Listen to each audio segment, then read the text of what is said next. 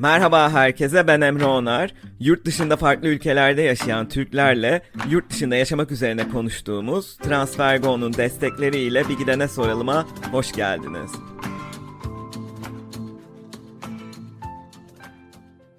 Transfergo uygun kur ve düşük gönderim ücretiyle çok hızlı hatta aynı gün içinde uluslararası para transferi yapabileceğiniz bir mobil uygulama. Üstelik TransferGo'yu kullanmaya başlayan her arkadaşınız için 22 euro ödül kazanabilirsiniz. Bir süredir İngiltere bölümü yapmamıştık ve bu bölümde yine İngiltere'deyiz ama bu sefer mevsime uygun bir şekilde deniz kenarına gidiyoruz ve tam 2 senedir Brighton'da yaşayan Birgül Güngör Avcı konuğum. 9 Eylül Üniversitesi sınıf öğretmenliği mezunu Birgül Hanım 12 yıl boyunca Milli Eğitim Bakanlığı'na bağlı ilkokullarda sınıf öğretmenliği yaptıktan sonra eşi ve iki çocuğu ile bundan tam iki sene önce yani Ağustos 2020'de Ankara Anlaşması ile Brighton'a taşınıyorlar. Bu arada hatta geçen sene Ekim'de ben bir gün günübirlik Londra'dan Brighton'a gitmiştim. Ve orada tesadüfen Birgül Hanım'ın eşiyle tanışmıştım. Beni tanıyıp yanıma gelip eşinin podcastlerimi ne kadar sevdiğini söylemişti. Ve sonra Birgül Hanım da bana Instagram'dan ulaştı ve bugün buradayız. Ondan İngiltere'nin en keyifli sayfiye şehirlerinden Brighton'da hayatı ve tabii ki iki çocuk ile göç edip yeniden bir hayat kurmayı konuşacağız. E, merhaba Birgül Hanım, hoş geldiniz. Merhabalar Emre, ben Birgül. Beni podcastlerine davet ettiğin için çok teşekkür ederim. Senin konuğun olmak benim için gerçekten çok heyecan verici bir durum. Öncelikle ben İngiltere'de neden Londra veya başka bir şehir yerine Brighton'a yerleştiniz bunu merak ediyorum. Yani sizi Brighton'a çeken şeyler nelerdi? Aslında Brighton'ı seçmemizin sebebini açıklayabilmek için öncelikle İngiltere'ye taşınma fikrimizin nasıl ortaya çıktığından bahsetmem gerekir. Ee, bundan iki buçuk yıl önce e, yeni yıl yemeği için buluştuğumuz arkadaşlarımız sohbet esnasında Ankara Anlaşması'na başvurma planlarından bahsettiler. Ben yenilikleri, yeni şeyler denemeyi çok seven bir insanım neler yapabiliriz, nasıl olabilir diye düşünürken orada böyle bir Ankara Anlaşması, aa İngiltere'ye taşınmak, böyle eşimle birbirimize baktık. Normalde eşim biraz daha kapalıdır yeni şeyler deneme konusunda. O esnada birbirimize bakıp aa neden olmasın dediğimizde eşimin gözünün içindeki ışığı yakaladım ve ondan sonrasında bir anda kendimizi biz İngiltere yolunda bulduk. Bu yolda hiç yurt dışında yaşama tecrübemiz olmamıştı. Ben Milli Eğitim Bakanlığı'na bağlı bir devlet okulunda sınıf öğretmeniydim. Eşim ise bilgisayar ve güvenlik sistemleri üzerine kendi firması var. Orada çalışıyordu.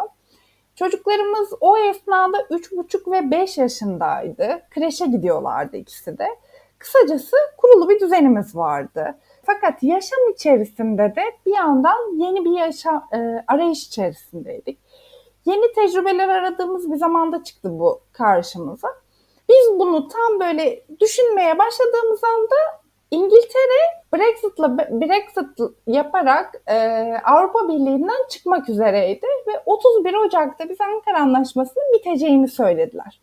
Biz apar topar o bir ay içerisinde bir anda e, bir avukat bulduk, bize yardımcı oldular ve kendimizi İngiltere yolunda bulduk. Hemen başvuru yaptık. Sonra İngiltere'deki arkadaşlarımızı yoklamaya başladık. Kim var, kimden nasıl e, bilgi edinebiliriz diye. Eşimin de o esnada Brighton'da bir arkadaşı olduğunu hatırlaması üzerine böyle bir başlayan yolculukta Brighton mı Londra mı derken deniz kenarı olması bizi çok cezbetti. Arkadaşın olması bizi çok cezbetti. Çünkü iki tane çocuğumuz vardı ve başımız sıkıştığında herhangi bir konuda birinden destek alabilmenin verdiği bir güvenceyle biz kendimizi Brighton'da bulduk. Brighton'ı seçmiş olarak bulduk. Bir yandan da şunu düşündük. Londra'ya da Brighton aslında Londra'da da kaldı kalbimiz.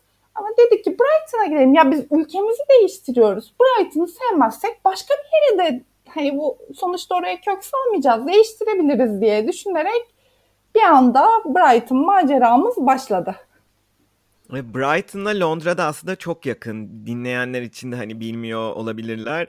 Aslında trenle bir saat gibi bir mesafede ve çok fazla gün içinde yani yarım saatte bir hatta saatte bir tren var. Yarım saatte değil saatte bir tren var. Hı hı. Hani çok e, iyi bağlantılı Londra'ya. Hatta benim eski şirketimde biri e, Brighton'da yaşıyordu. Londra'da çalışıyordu. Gidip geliyordu iş için e, Londra'ya. Ve dediğiniz gibi deniz kenarı olmasıyla da gayet güzel. E, ve gerçekten Ankara Anlaşması o bitmeye yakın inanılmaz başvuru almış. Sanırım sadece Aralık ayında 10 binin üzerinde başvuru almış ki normalde atıyorum 2016 yılında yılda 2000 başvuru alırken o son bir senede ve özellikle son birkaç ayda inanılmaz bir yığılma olmuş ve birçok hasta başvuru bir noktadan sonra reddedilmeye başlamıştı. Siz e, demek ki o bir aylık süreçte güzel bir başvuru hazırlayıp e, onayı almışsınız. Biz danışmanımız sayesinde aslında hiç bilmediğimiz bir anlaşma üzerinden danışmanımızın tam desteğiyle, bizi doğru yönlendirmesiyle e, güzel sağlam bir dosya oluşturduk ve şükür ki sonucu da güzel oldu. Peki Brighton'a taşınmadan önce e, beklentileriniz nasıldı ve karşınıza çıkan ne oldu? Yani um, ne umdunuz ne buldunuz genel olarak Brighton'da? Aslında Brighton özelinde değil ama İngiltere'den beklentilerimiz vardı. Ve bu Hı-hı. daha çok yani iki çocuğumuz olunca artık çocuklar üzerine daha fazla beklentilerin ve düşüncelerin oluyor.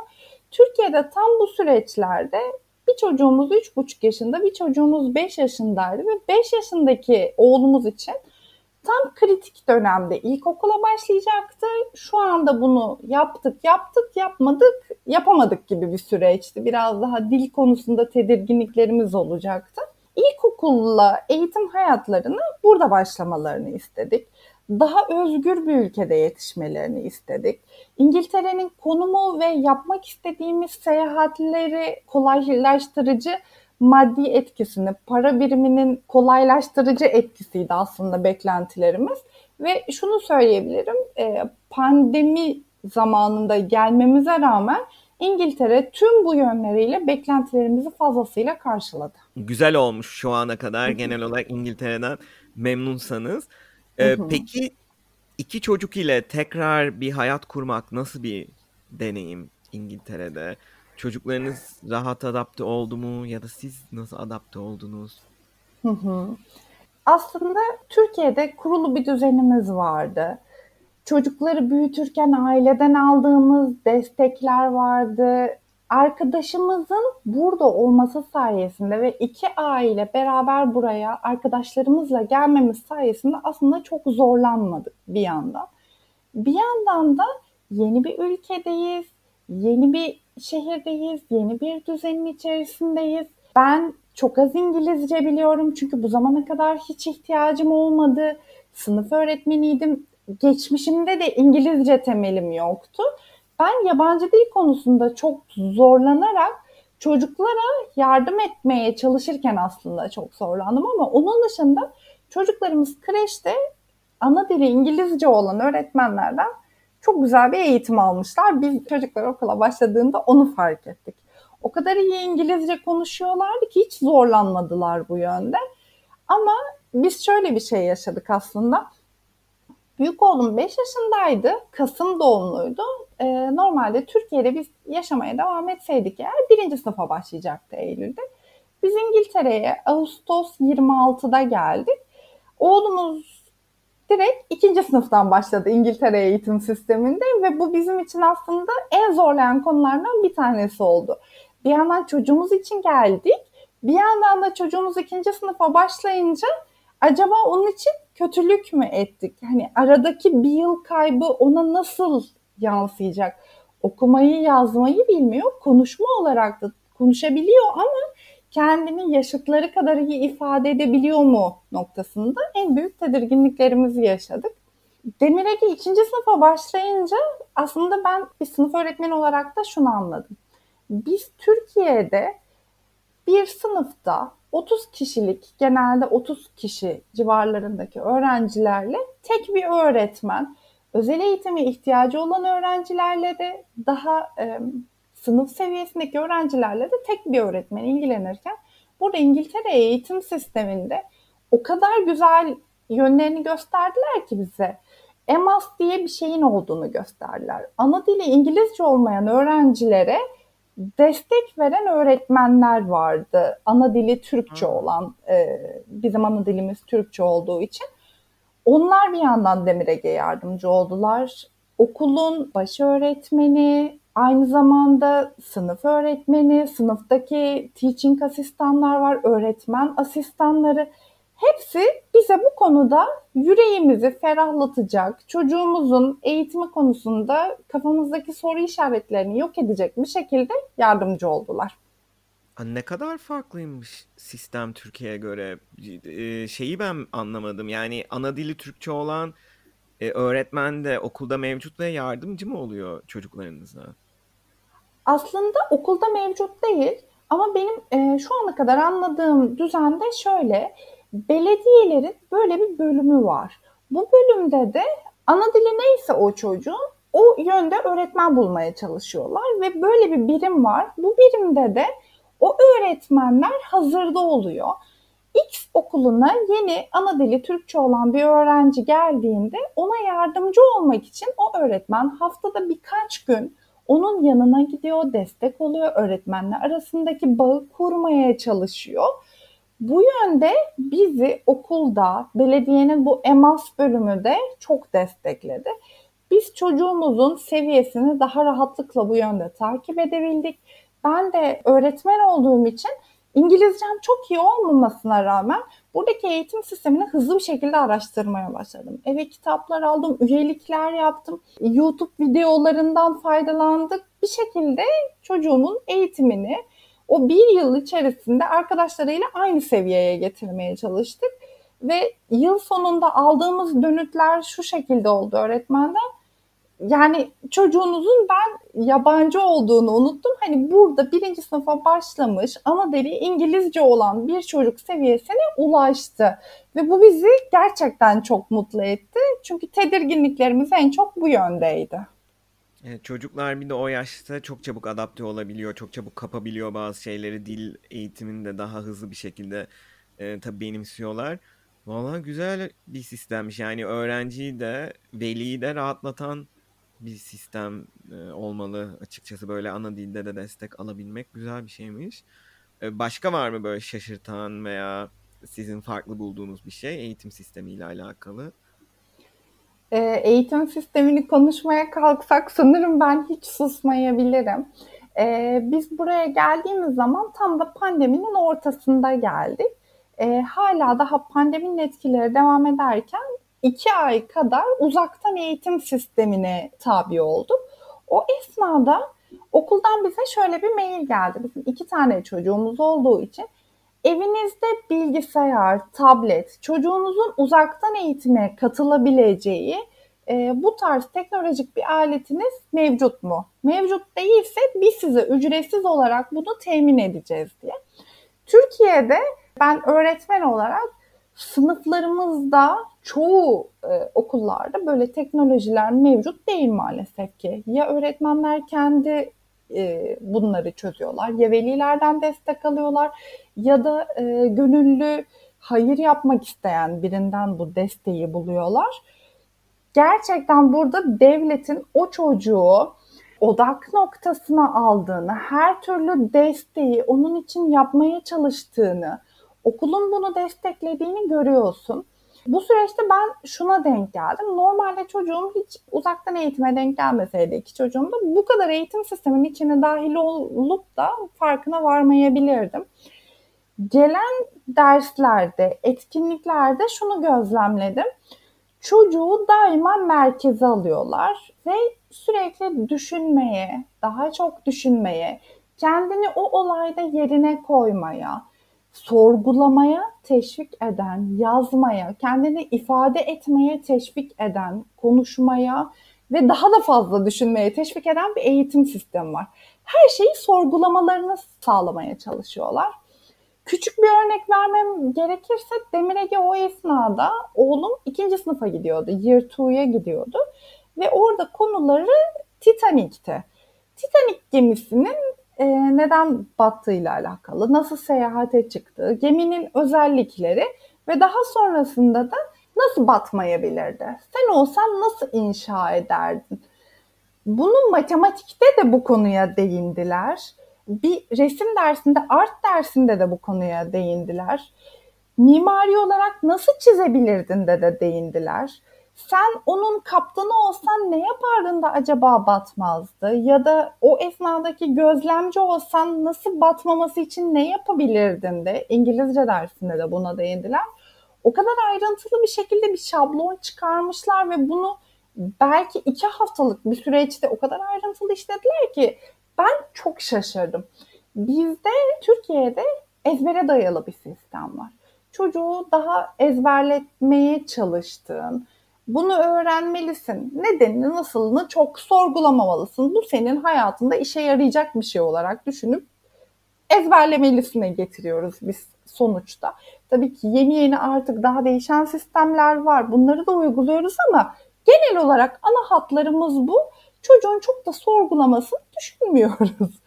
İngiltere'deki sistem beni bu yönüyle çok fazla şaşırttı kesinlikle çocuğu merkeze aldıkları, onun her şeyi düşünmesini sağladıkları bir sistemdi. Ve benim çok hoşuma gitti şu ana kadar. Tecrübelerimiz gayet olumlu yönde.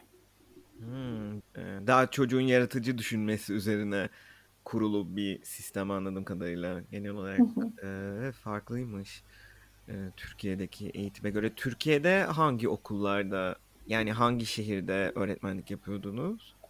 Ee, biz Türkiye'de, ben Antalya'da e, bir yıl kadar öğretmenlik yaptım. Ardından Tekirdağ'da öğretmenlik yaptım. 11 yıllık aslında öğretmenlik hayatım Tekirdağ'da geçti.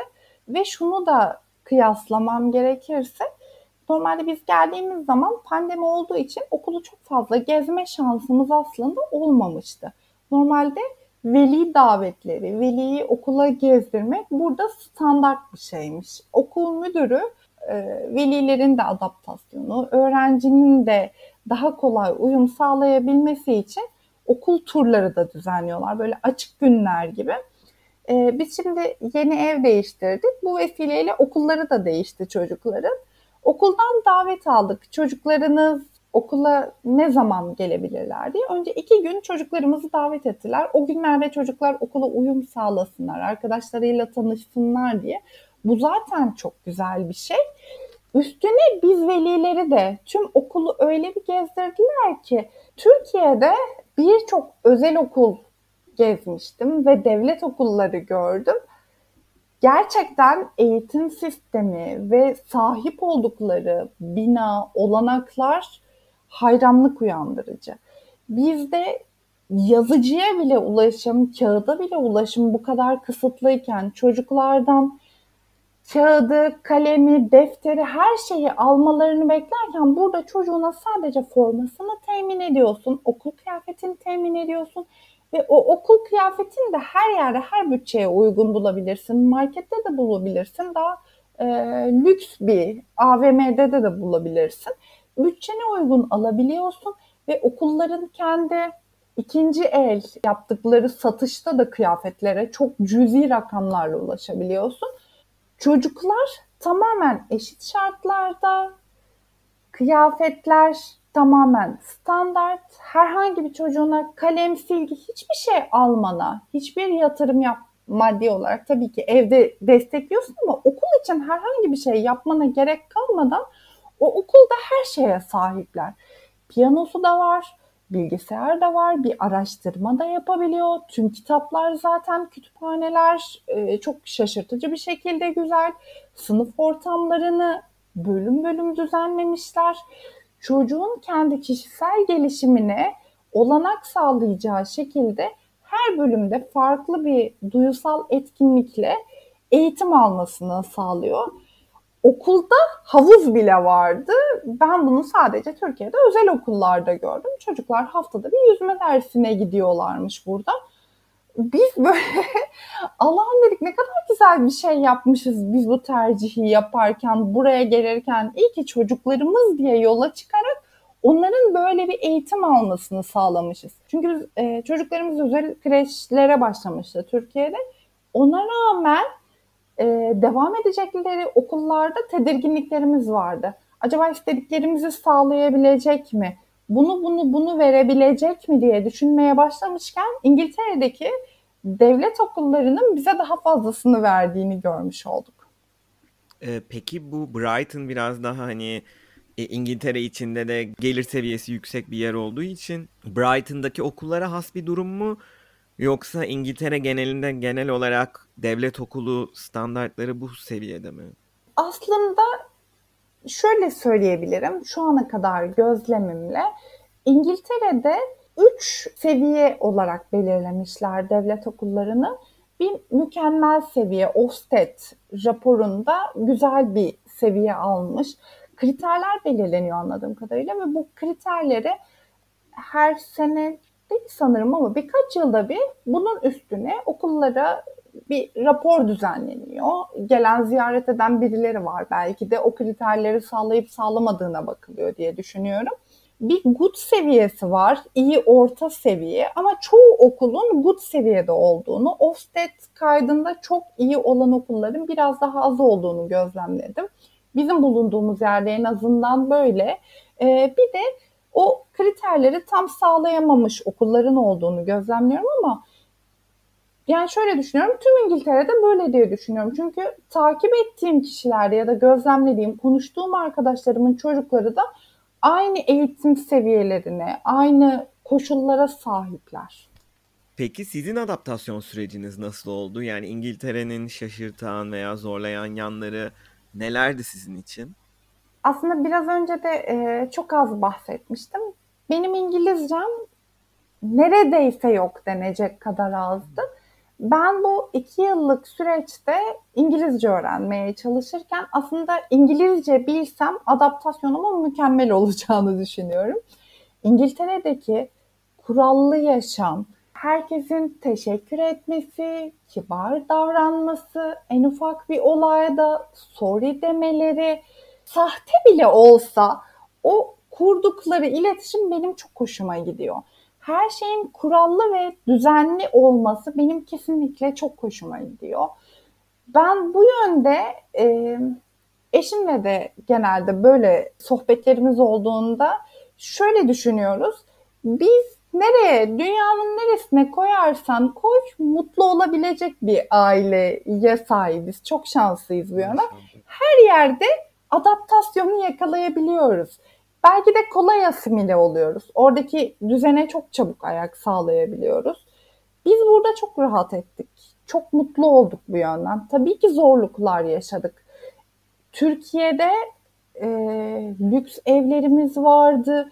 Gerçekten onu burada anlıyorsun. Buradaki evler çok eski. Bulaşık makinesi çoğu evde yok. Evlerin metrekareleri çok düşük. Çoğu insan flatta yaşıyor bahçeli bir evde yaşamak bir tık daha lüks bir olay. Bunları yaşarken ilk geldiğimizde arabamız yoktu gibi aslında lüksten muafiyetimiz bazı alanlarda tabii ki çok zorladı. Çünkü o kadar alışmışız ki Türkiye'de bu bizim için bir standart. Her şeyimiz var, her şeye sahibiz. Olmaması çok farklı geliyor.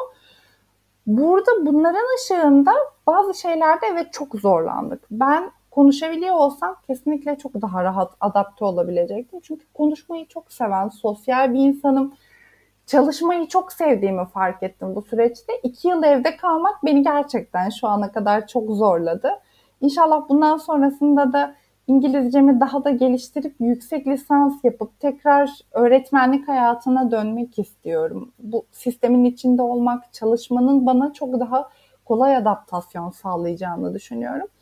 Ama aile olarak burada arkadaşlarımızın olması, kolay adapte, asimile olabiliyor olmamız bizim için zorlayıcı olduğu yanlar kadar kesinlikle çok keyifli, kendi sınırlarımızı gözlemlediğimizde iki yıl oldu diye düşünüyorum.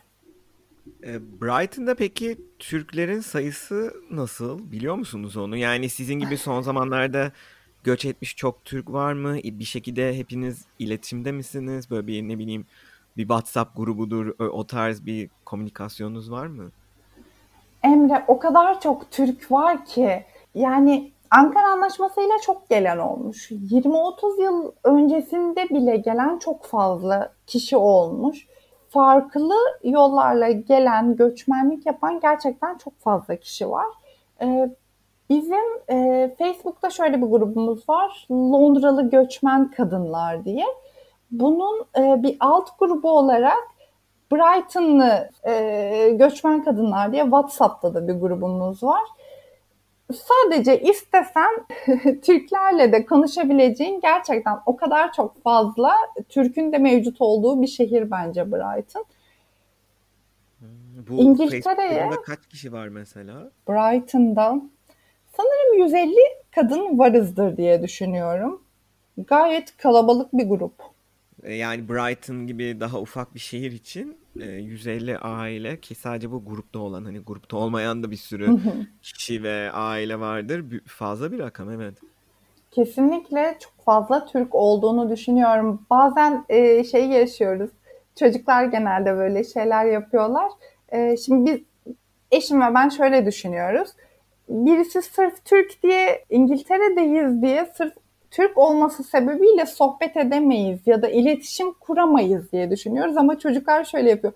Anne, anne bak Türkçe konuşuyor, Türklermiş, bak mis gibi Türklermiş diye böyle bir heyecan yaşayıp e, daha çok böyle bir çığlık attıkları anlar oluyor, şaşırdıkları.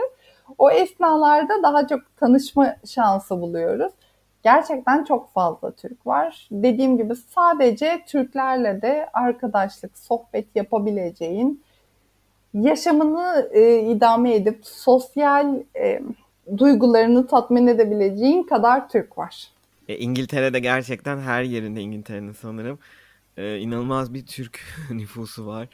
E, beni hala şaşırtıyor yani sokakta her gün Türkçe duyduğumda nedense böyle bir istem dışı şaşırıyorum.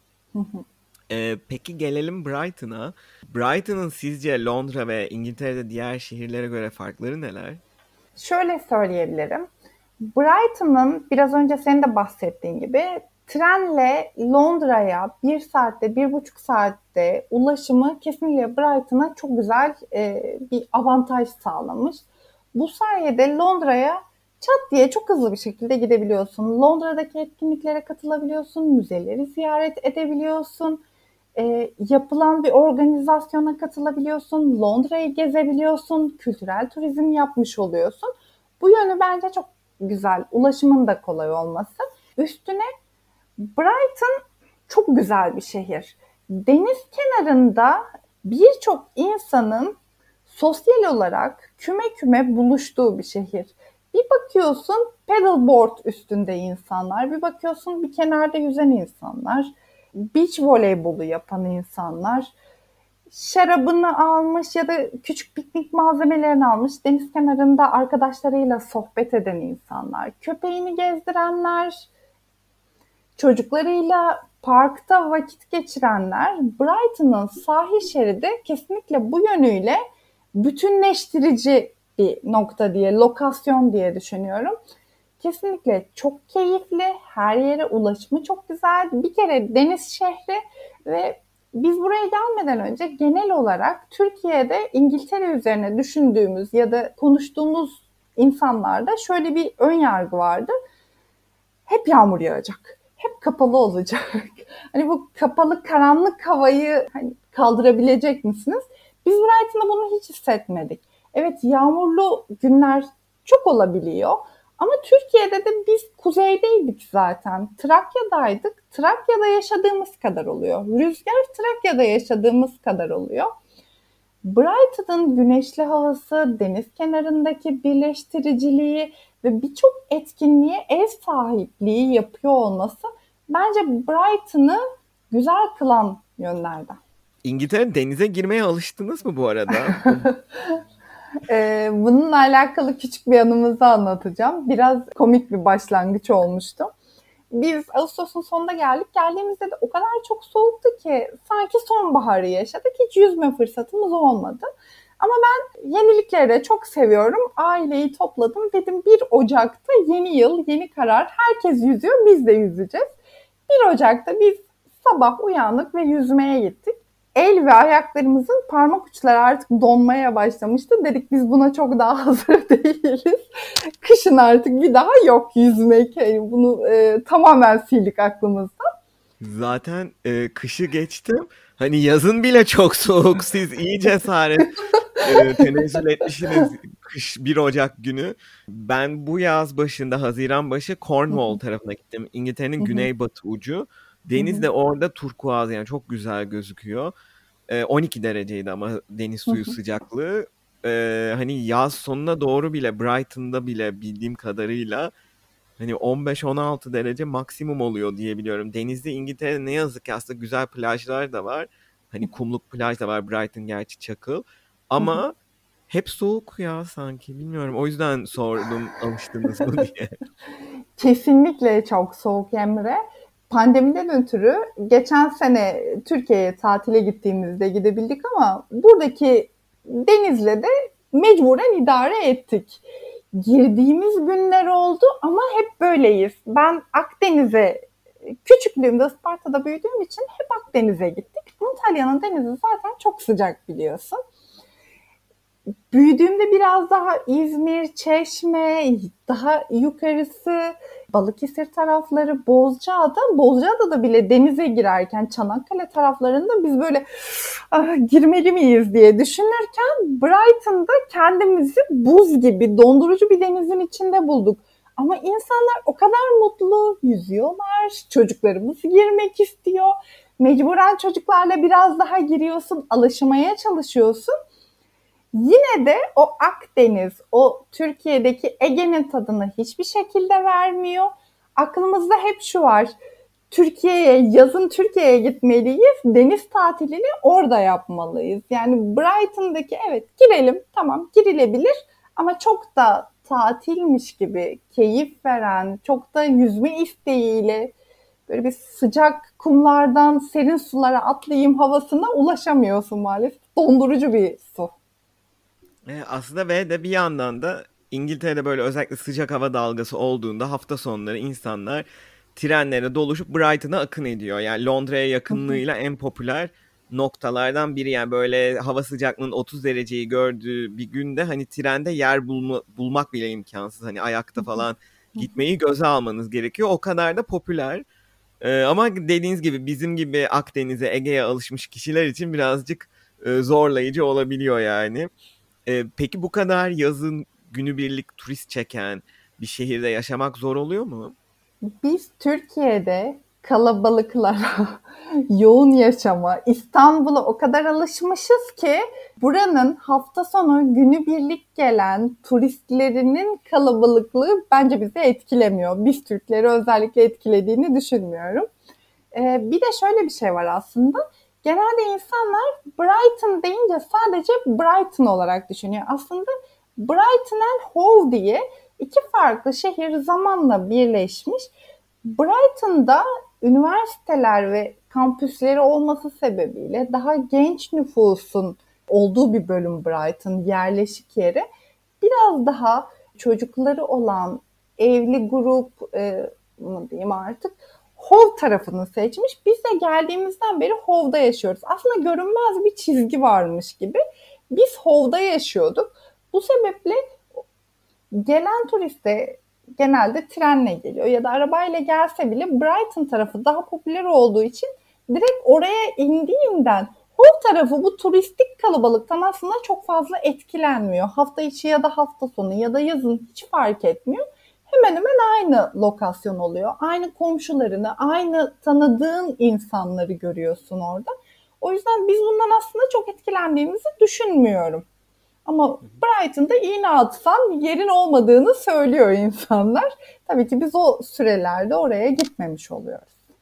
Evet gerçekten çok kalabalık olabiliyor. ya Ben geçen yıl bir hafta sonu gittim. Plajda falan iğne atsanız düşmeyecek kadar tıklım tıkış sokaklar, işte kaldırımlar. Ama Brighton'ın merkezi de çok keyifli. Böyle minik dar sokakları var, güzel kafeleri, güzel dükkanları. Böyle kendine has bir karakteri olan e, bir şehir aslında.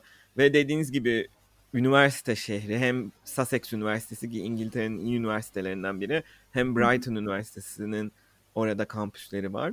E, siz şehir olarak Brighton'ı ne hangi yanlarını seviyorsunuz mesela?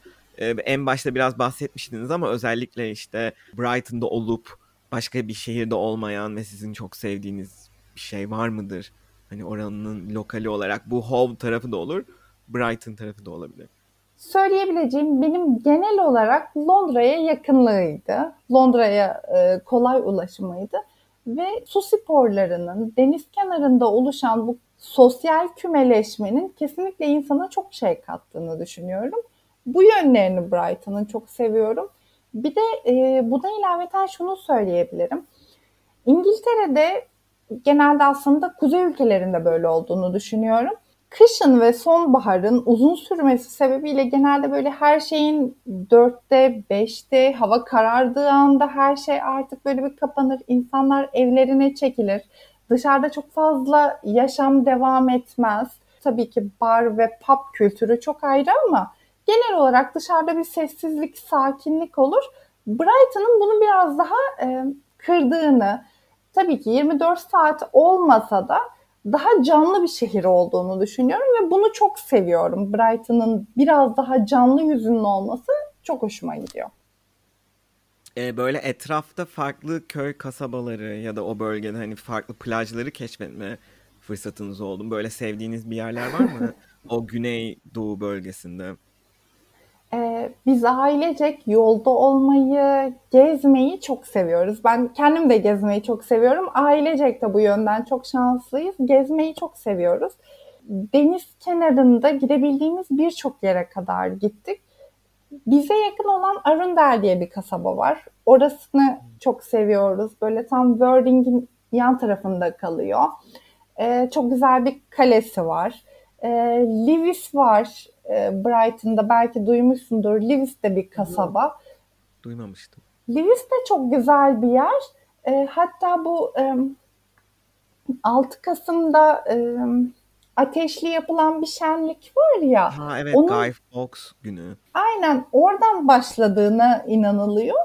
E, çok güzel yerli halkın olduğu, kalenin olduğu, e, böyle küçük küçük dar sokakları, çok eski yapıların olduğu çok güzel bir kasaba. Orayı da çok seviyoruz.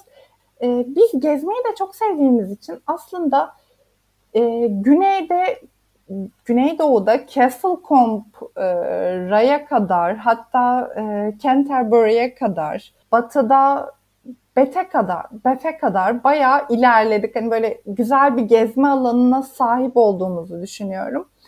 Seven Sisters burada çok meşhur. Daha turistik olarak herkesin bildiği bir yer biliyorsun. Genelde hafta evet. sonunda birçok insanın geldiği. Orayı da çok seviyoruz. Orası da gerçekten çok güzel kliflerin olduğu bir bölge. Brighton'ı genel olarak lokal yerlere ulaşım olarak da çok seviyoruz. Ee, bir de şundan bahsetmek istiyorum. Unuttum, toparlayamadım kusura bakma. Ee, National Trust diye bir şey var. Hiç duydun mu bilmiyorum ulusal miras diye İngiltere'nin biraz daha böyle e, ulusal parkları, dönemin önemli isimlerinin, yazar ve şairlerinin evlerini, devasal bahçelerini, kalelerini, yürüyüş rotalarını gezebildiğin bir üyelik programı. Genelde gönüllü insanlardan oluşuyor çalışanları ve e, bu yapılan aidatlarla ayakta kalan bir kurum diye düşünüyorum çok güzel gezme fırsatı bulabileceğin yerler sunuyor. E, bu sayede e, Rudyard Kipling'in evine bile gidebilmiştik burada. Gerçekten çok güzel e, bir üyelik sistemi. Dinleyenlere de sizlere de tavsiye ederim. English Heritage gibi e, gayet güzel bir üyelik sistemi. E, bunu daha önce hiç e, bir konu bahsetmemişti. Aslında iyi oldu bahsettiğiniz. Bu İngiltere'de gerçekten güzel oturmuş bir sistem. Özellikle çocuklu aileler için sanırım bayağı faydalı oluyor. Benim de yöneticim e, bundan hep bahsederdi. İşte farklı kalelere falan gidiyorlardı hafta sonları. Böyle Lon- e, İngiltere'de yaşayıp yani çocuklarla farklı aktiviteler düşünüyorsanız ya da çocuk o çocukla aile olmaya gerek yok yani kendiniz de meraklıysanız tarihe farklı yerleri gezip görüp öğrenmeye e, güzel bir tavsiye açıkçası. E, peki gelelim Türkiye'ye. Türkiye'yi özlüyor musunuz? Yani iki yıl oldu taşınalı. Neleri özlüyorsunuz? Ya da Türkiye'de hayatın avantajları neydi size göre? Aslında çok özlüyoruz bir yandan ama Düşündüğümüzde en çok özlediğim şey tabii ki ailem, arkadaşlarım, oradaki sosyal yatırımım özlediğim şeyler. Türkiye'ye dönmek ister miyiz? Biz açıkçası istemiyoruz. Biz buradan çok memnunuz. Buranın kurallı yaşamından, buradaki düzenden, Avrupa'ya kolaylıkla ulaşabilmenin, buranın maddi gücünün verdiği rahatlıkla her yere daha uygun uçak bileti bulmanın ya da ulaşımın kolaylığıyla daha çok yer gezebilme kapısını açtığına inanıyorum.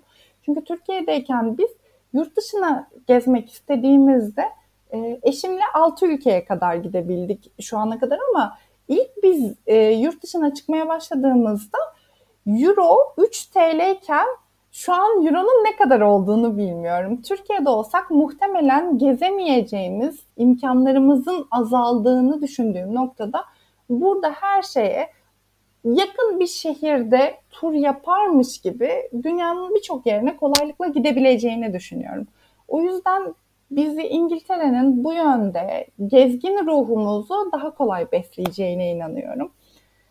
Çocuklarımla buradaki eğitim sisteminden çok memnunuz. Burada yaşamaktan çok memnunuz. Beni Türkiye'de aslında şunlar çok fazla rahatsız ediyordu. Çok fazla insan bir anda yolda yürürken e, sana karışma hakkı bulabiliyor. Ya da çocuğunu bir anda sevme hakkı bulabiliyor. Ah ne tatlı bir kızmış deyip bir anda elleyebiliyor, dokunabiliyor saçına ya da yanağını e, sıkabiliyor. Burada hiç kimse senin çocuğuna ya da herhangi birine düşse bile yardım ister misin teklifinde bulunup gerisinde hiçbir dokunma, eleştiri ya da senin benliğini zedeleyecek hiçbir şeyin olmaması benim gerçekten çok hoşuma gidiyor. Burada kendimizi daha güvende hissediyoruz, daha rahat hissediyoruz. Bir yolda yürürken arkana bakmaman ya da bir araba duracak mı düşüncesine kapılmaman daha güvende hissetmek burada bizi İngiltere'ye bağlayan en önemli sebeplerden bir tanesi diye düşünüyorum. Türkiye'ye göre daha güvende hissediyorum kendimi. Ama şunu da söylemem gerekirse evet ailemi, arkadaşlarımı gerçekten çok özlüyorum. Yazın Türkiye'de tatile gidebilmeyi, o sıcaklığı, deniz kenarını, Ege mezelerini, rahatlıkla bir restoranda e, dinleyebildiğin müzikleri, melodileri, meyhane kültürünü gerçekten çok özlüyoruz. Böyle ileride de hayalimiz hani herkesin hayali olur. Ege'de bir yer almak, orada yaşamak ama bizim yazın gidelim, kışın geri dönelim şeklinde. Hani İngiltere'deki güvenimiz yerinde dursun ama yazın da Türkiye'ye gidelim, sevdiklerimizi görelim. Sıcak havanın güzel, kumların tadını çıkaralım diye düşünüyoruz. Güzel. Valla birçok kişi zaten aynı hayali paylaşıyor. Bu podcast'teki ortak temalardan biri e, Ege'de emeklilik e, planları. Ama siz yine de emeklilikte bile ana üssümüz İngiltere olsun. Sadece bir ayağımız Türkiye'de olsun diyorsunuz. E, İnşallah. güzel bir plan. Sizin eklemek istediğiniz bir şey var mı Birgül Hanım? Hmm, benim eklemek istediğim bir şey. Ben çocuklu bir aile olarak aslında şunu da eklemek isteyebilirim. Türkiye'de birçok müzeye girmek ya da sanat galerisine girmek, tiyatroya gitmek, müzikale gitmek çok birçok aile için çok pahalı ve lüks kaçabilen şeylerken İngiltere'de Londra'daki en güzel müzelere ücretsiz bir şekilde girebildiğin, yine çocuk odaklı Onlara özel etkinliklerin yapıldığı, hatta Victoria Albert Müzesi'nin ortasında çocuklar için paddling pool var. Küçük bir havuz, sularla oynayabiliyorlar. Çocuklar için böyle etkinliklerin yapılabilmesi benim çok hoşuma gidiyor. Ücretsiz bir şekilde tüm müzelere gidebiliyorsun. Çok güzel aktivitelere sahip olabiliyorsun. Çocuğunu bu anlamda da kültürel olarak da güzel bir miras bırakmış oluyorsun bu benim gerçekten çok hoşuma gidiyor. İngiltere özelinde bahsetmem gerekirse. Ve müzikaller burada enfes. Çocuklar için gerçekten çok güzel. Her çocuğun burada bunu uygun ücretlerle tecrübe etme şansı bulması gerçekten kültürel anlamda da sanatsal anlamda da çok doyurucu bir özellik diye düşünüyorum. Biz Türkiye'de bunlara daha İstanbul'daysan ya da büyük şehirlerdeysen imkanın varsa ulaşabildiğin noktadasın ama burada tüm çocuklar kolaylıkla şehrindeki tiyatroyla bir şekilde tüm tiyatroların senin şehrine ayağına gelmesiyle her şehirde bulunan müzelerle geçici sanat galerileriyle bunlara kolaylıkla ulaşabiliyor olması çocukların sanatsal yönünü de beslediğini düşünüyorum. O yüzden İngiltere'nin bu yönünü de bir kere daha hayranlıkla karşılıyorum. Daha önce birinci sezonda 22. bölümde İngiltere'de yaşam ve İngiltere'de doğum yapmak diye isimlendirdiğim aslında İngiltere'de yaşamayı konuştuğumuz Gökçe Selin ve Tuğba ile bir bölüm yapmıştık. Orada Gökçe de bahsetmişti bundan. Onun da o zaman 4 yaşında tabii şu an 6 yaşında oldu bir oğlu var. Ee, o da hani ne nasıl ücretsiz işte tiyatrolar, işte kursların ya da çok cüzi fiyatlarla çocuklar için erişilebilir olduğundan bahsetmişti. Gerçekten o da önemli bir fark yani düşündüğünüzde sizin de dediğiniz gibi ya birkaç büyük şehirde bunlar kümelenmiş durumda. Orada bile yani belli bir e, gelir seviyesinde olmanız gerekiyor. Belki hani belediye tiyatroları falan da vardır ama böyle hani dünya standartında bir şey izlemek için mesela zorlu PSM'de e, iyi bir bütçe ayırmanız gerekiyor mesela. Burada hani öğrenci indirimleri, kampanyalar, okul gezileri falan da oluyordur belki. Biraz daha rahat erişilebilir durumda. Bu da güzel bir e, noktaydı gerçekten değindiğiniz. Bahsettiğim podcast'te hatırlıyorum. Orada e, Gökçe söylemişti sanırım. Oğluyla alakalı bahsettiğini hatırlıyorum. Kursların gerçekten uygun fiyatlı olduğunu. Burada e, bir kursa çocuğunu çok rahatlıkla, çok cüzi bir miktarla birçok yönden çok farklı kurslara gönderebilirken Türkiye'de ekstra çocuğunun ilgilendiği özel bir alanda onu yetiştirmek için çok büyük paralar harcaman gerekiyor. Çok büyük bir bütçe ayırman gerekiyor. Burada gerçekten bu çok güzel. Çocuk odaklı bir ülke. Çocuğa yapılan yatırım seni zorlamıyor. Rahatlıkla yani bir e, 10 pound'a çok güzel bir ders aldırabiliyorsun çocuğuna ki topluca aldığın şeylerde daha da uyguna mal oluyor. Çocuğu her türlü besleyen, ilgi odağını geliştirebileceğin, çocuğun düşüncelerini önemseyen bir sistem olduğunu düşünüyorum. İngiltere'nin bu yönü çocuğu baz alması gerçekten çok güzel.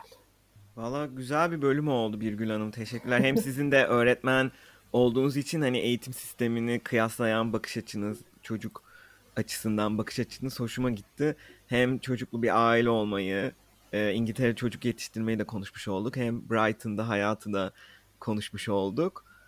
Ben çok keyif aldım. Katıldığınız için teşekkür ederim. Bilmiyorum son olarak eklemek istediğiniz başka bir şey var mı ama. Ben beni davet ettiğiniz için, ağırladığınız için çok teşekkür ederim. Sizin podcastleriniz olmak benim için çok heyecan verici bir durum. İngiltere'ye ilk gelmeyi düşündüğümüzde karşılaşmıştım sizin podcastlerinizle ve sizinle. O andan itibaren takip ediyorum ve eşimin sizinle karşılaşması benim için çok heyecan vericiydi. Keşke ben olsaydım, ben tanışsaydım diye düşündüğüm bir gündü. Ee, bir gün umarım Brighton'a gelirsiniz. Sizi bahçemizde ağırlamak bizi çok mutlu eder. Tanışmak çok güzeldi. Sohbet çok keyifliydi. Umarım faydalı olmuştur. Bence kesinlikle faydalı bölümlerden biri oldu. E, Valla bir gün illa Brighton'a geleceğim. Tekrar gelmek istiyorum. Hep de kaydın başından beri dediğimiz gibi Londra'ya çok yakın zaten. O zaman yine haberleşiriz. Çok teşekkür ederim vakit ayırdığınız için. Sizi konuk etmek benim için de bir keyifti. Görüşmek üzere. Görüşmek üzere. Çok teşekkürler. Dinlediğiniz için teşekkürler. Uygun kur ve düşük gönderim ücretiyle yurt dışı para transferlerinizi kolayca yapabileceğiniz TransferGo sundu. Instagram ve Twitter'da bir gidene soralımı takip edebilirsiniz. Bir sonraki bölümde görüşmek üzere.